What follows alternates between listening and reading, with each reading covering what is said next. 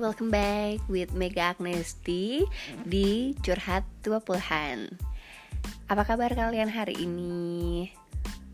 Kalau gue tadi habis makan sama hmm, best friends um, Karena kita di usia yang sama dan level pekerjaan yang sama Jadi lebih banyak curhatan pekerjaan guys So I hope you had a great day today. Dan malam ini gue mau cerita permasalahan tentang magang. Sebenarnya ini masalah hidup untuk anak yang belum umur 20 sih. Cuman gue menemukan hal ini tuh waktu gue udah jadi asisten manager di sebuah perusahaan fashion. Jadi gue pengen nitip pesan aja sih buat anak-anak muda di luar sana yang masih kuliah Tentang pentingnya magang ini antara penting gak penting uh, untuk sebagian orang tapi kalau menurut gue sebagai seorang um, jajaran middle manager di suatu perusahaan gue menganggap ternyata magang itu penting loh untuk mahasiswa. Jadi waktu gue kuliah dulu kampus gue itu nggak ada program magang guys. Jadi kalau di kampus lain biasanya kan ada tuh magang dapat nilai. Nah di kampus gue tuh nggak ada. Jadi anak-anaknya ya kalau pengen magang ya magang kalau enggak juga nggak apa-apa. Tapi kalau gue sendiri tuh karena pengen belajar mengenai majalah jadi waktu itu gue sempat magang di um, fashion magazine. Gak fashion sih lifestyle magazine atau majalah anak muda. Tapi emang gue di fashion jadi uh, fashion journalist intern gitu. Dan apa yang gue dapatkan setelah itu sih memang cukup mendukung um, usaha gue dalam mencari pekerjaan. Karena gue punya portofolio kan.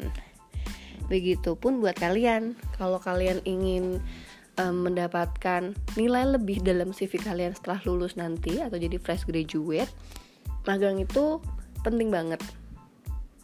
Pertama dari magang um, kalau misalnya lo jurusan kuliahnya sama seperti pekerjaan yang lo inginkan ketika lo punya pengalaman magang lo tuh jadi punya nilai lebih. Karena misalnya gini ini gue ngambil contohnya yang sekitar deket sama pekerjaan gue sehari-hari ya. Karena kalau gue nyeritain hal lain tuh suka nggak relevan takutnya karena gue nggak paham. Nah karena ini gue paham jadi gue mau cerita bidang-bidang um, yang gue tahu aja ya misalnya nih guys lo ambil um, jurusan komunikasi gitu terus lo pengen jadi markom. Nah ketika lo magang di suatu perusahaan dengan posisi markom intern maka lo akan tahu gitu loh dunia markom itu seperti apa. Pekerjaannya itu apa aja. Terus bagaimana sih bekerja dalam tim? Terus struktur organisasinya itu seperti apa um, karena gini kalau misalnya gue sebagai anak markom ya pekerjaan gue kan gak jauh-jauh dari menyiapkan campaign brand. Terus udah gitu uh, bikin window display atau misalnya kayak poster di toko yang bagian depan tuh guys tuh namanya window display. Terus gue ngurusin press release. Terus gue ngurusin influencer atau KOL atau Instagram uh, bilang gitu. Terus banyak hal-hal lain yang sebenarnya kalau di kuliah gue nggak belajar itu. Tapi ternyata waktu gue uh, kerja sebagai markom hal-hal kayak itulah yang gue hadapin. Sehingga kalau lo ambil jurusan marketing eh sorry tadi communication ya gue ngasih contohnya. Kalau lo misalnya ngambil communication terus lo udah tahu emang lo pengen jadi markom nah biar lo lebih tahu pekerjaannya seperti apa masuklah lu jadi anak intern markom di suatu perusahaan maka dengan sendirinya lo akan terbiasa gitu. Melihat uh, uh, work scope-nya melihat seperti apa kinerjanya melihat apa masalah yang dihadapi gitu. Jadi selain untuk mengenal pekerjaannya lo jadi lebih tahu gimana sih cara kerjanya gimana sih teamwork gimana sih punya atasan uh, gimana sih berurusan sama supplier walaupun misalnya anak magang kayaknya nggak dikasih untuk ngurus sama supplier tapi paling nggak tahu gitu supplier tuh gimana. Nah di sisi lain lu kalau lagi interview akan ditanya oh kamu pernah magang di kantor A? Gimana pengalaman di sana? Apa yang bisa kamu ceritakan? Nah di situlah lu kalau udah tahu tuh bisa menceritakan bagaimana proses magang di sana pasti user tuh akan lebih tertarik guys yang kedua kalau misalnya lo kuliah di uh, jurusan yang salah kayak gue terus lo punya cita-cita beda banget nih sama jurusan kuliah lo. Magang itu perlu supaya lo punya portofolio. Sehingga misalnya kayak gue kan jurusannya akuntansi. Tapi gue pengen jadi jurnalis. Sementara kalau di akuntansi gue nggak diajarin nulis artikel kan. Nggak diajarin teknik interview. Nggak diajarin hmm, membedakan tata bahasa di majalah tipe A, B sama C gitu kan. Nah, kalau gue jadi anak magang di majalah, maka gue akan dapat banyak hal nih satu gue pasti akan lebih tahu kan pekerjaan jurnalisme itu seperti apa tata bahasa jurnalisme seperti apa um, mendapatkan editing dari editor gue tuh kayak apa terus bikin foto sebagai pendukung artikel yang bagus itu bagaimana um, fashion week tuh kayak apa gitu. Itu gue dapet setelah gue magang guys. Jadi um, selain gue tahu skop pekerjaannya dan um, kerja realnya di dunia um, industri itu di sisi lain gue dapet portofolio. Jadi walaupun setelah lulus kuliah gue titlenya sarjana ekonomi gitu ya uh, jurusannya accounting. Terus gue ngelamar nih ke majalah majalah itu akan lihat lo lu jurusan accounting kok apply-nya jadi jurnalis nggak mau jadi anak accounting atau anak finance aja? Oh enggak saya bisa nulis kok. Ini contoh portofolio saya yang dimuat di majalah A. Nah dari situ dia pasti akan tertarik nih sama lo. Ternyata lo udah punya um, pengalaman gitu di bidang yang lo minati.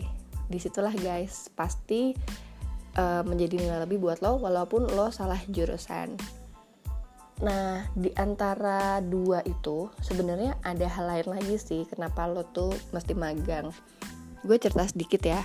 Jadi waktu gue um, kerja di suatu fashion e-commerce karena e-commerce gue tuh yang dijual barang-barang luxury jadi banyak tuh beberapa anak Indonesia yang kuliah di luar negeri apply lah pekerjaan di tempat gue sebagai intern mereka itu rata-rata anak fashion design, anak fashion management, pokoknya hal-hal yang terkait sama fashion dan kuliahnya tuh nggak nanggung-nanggung loh. Mereka tuh nggak cuma kuliah di Singapura atau di Malaysia tapi ada juga yang kuliah di Prancis di Italia sama di UK kadang gue tuh ngerasa heran gila ya mereka kuliah jauh-jauh tapi uh, tetap pengen magang di e-commerce kecil kayak punya gue gitu.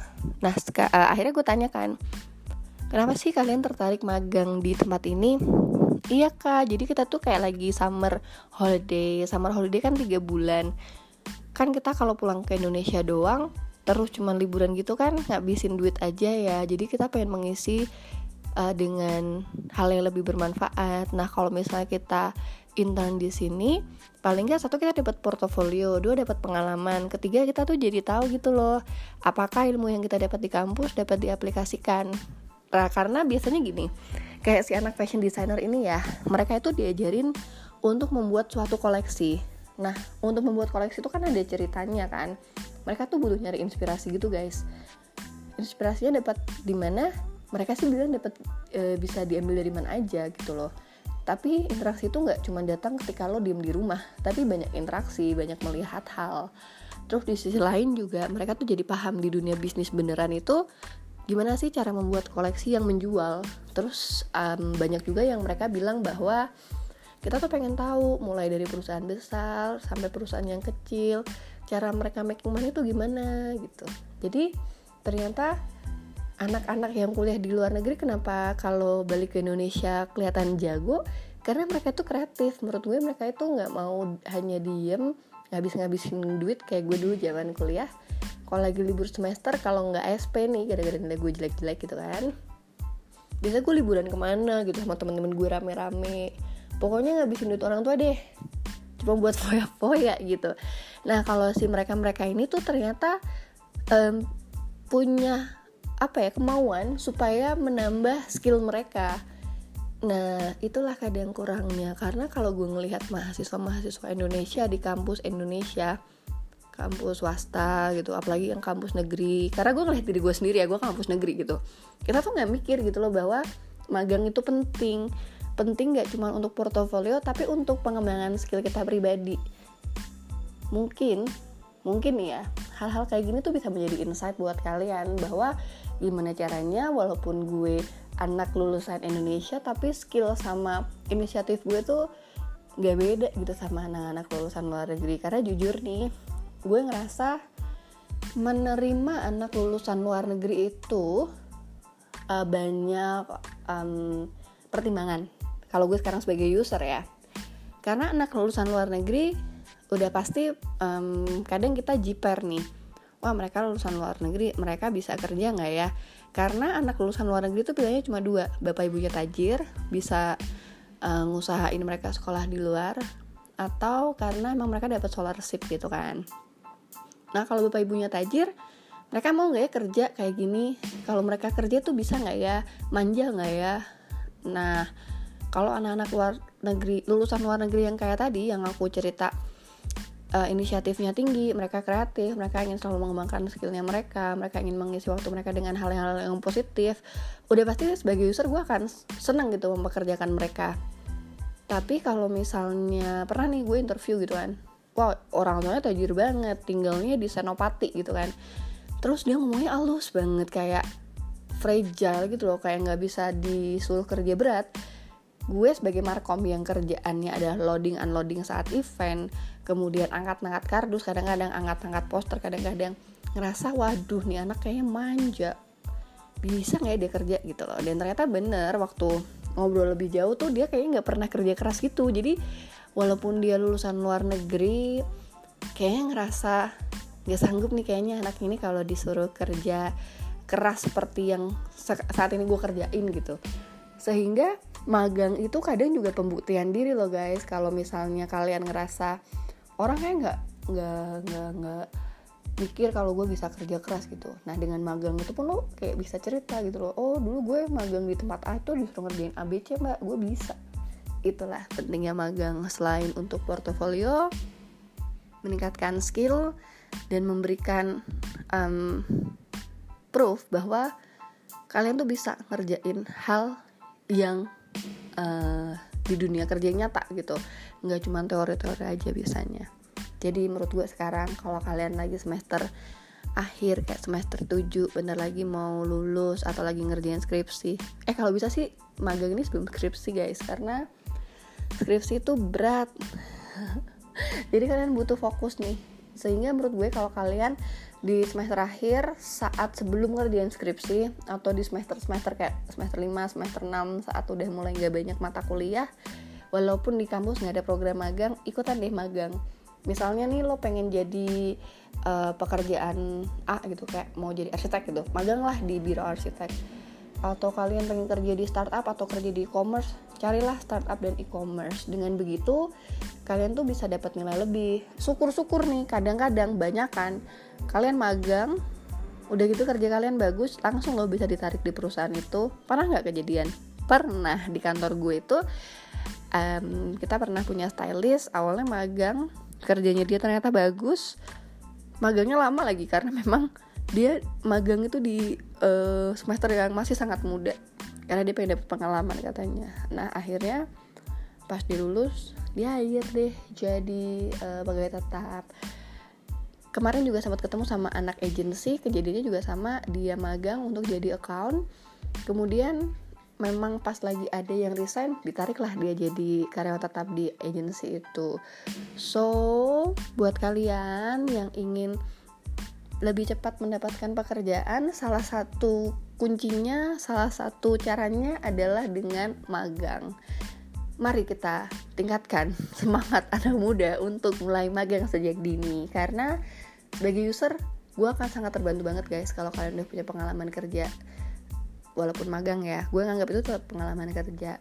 Kalau misalnya kalian cuma fresh graduate nggak ada pengalaman organisasi nggak ada pengalaman kerja itu gue ngerasa kayak kalian wasting your time gitu. Karena akan lebih susah nyari kerjanya kalau kalian kayak nggak punya pengalaman organisasi nggak punya pengalaman kerjaan gitu. Jadi kuliah tuh ngapain aja? Walaupun sebenarnya emang banyak sih yang bisa dikerjain selama kuliah. Cuman ya menurut gue salah satu hal yang positif untuk mengisi waktu-waktu muda waktu-waktu selama kuliah dengan magang tersebut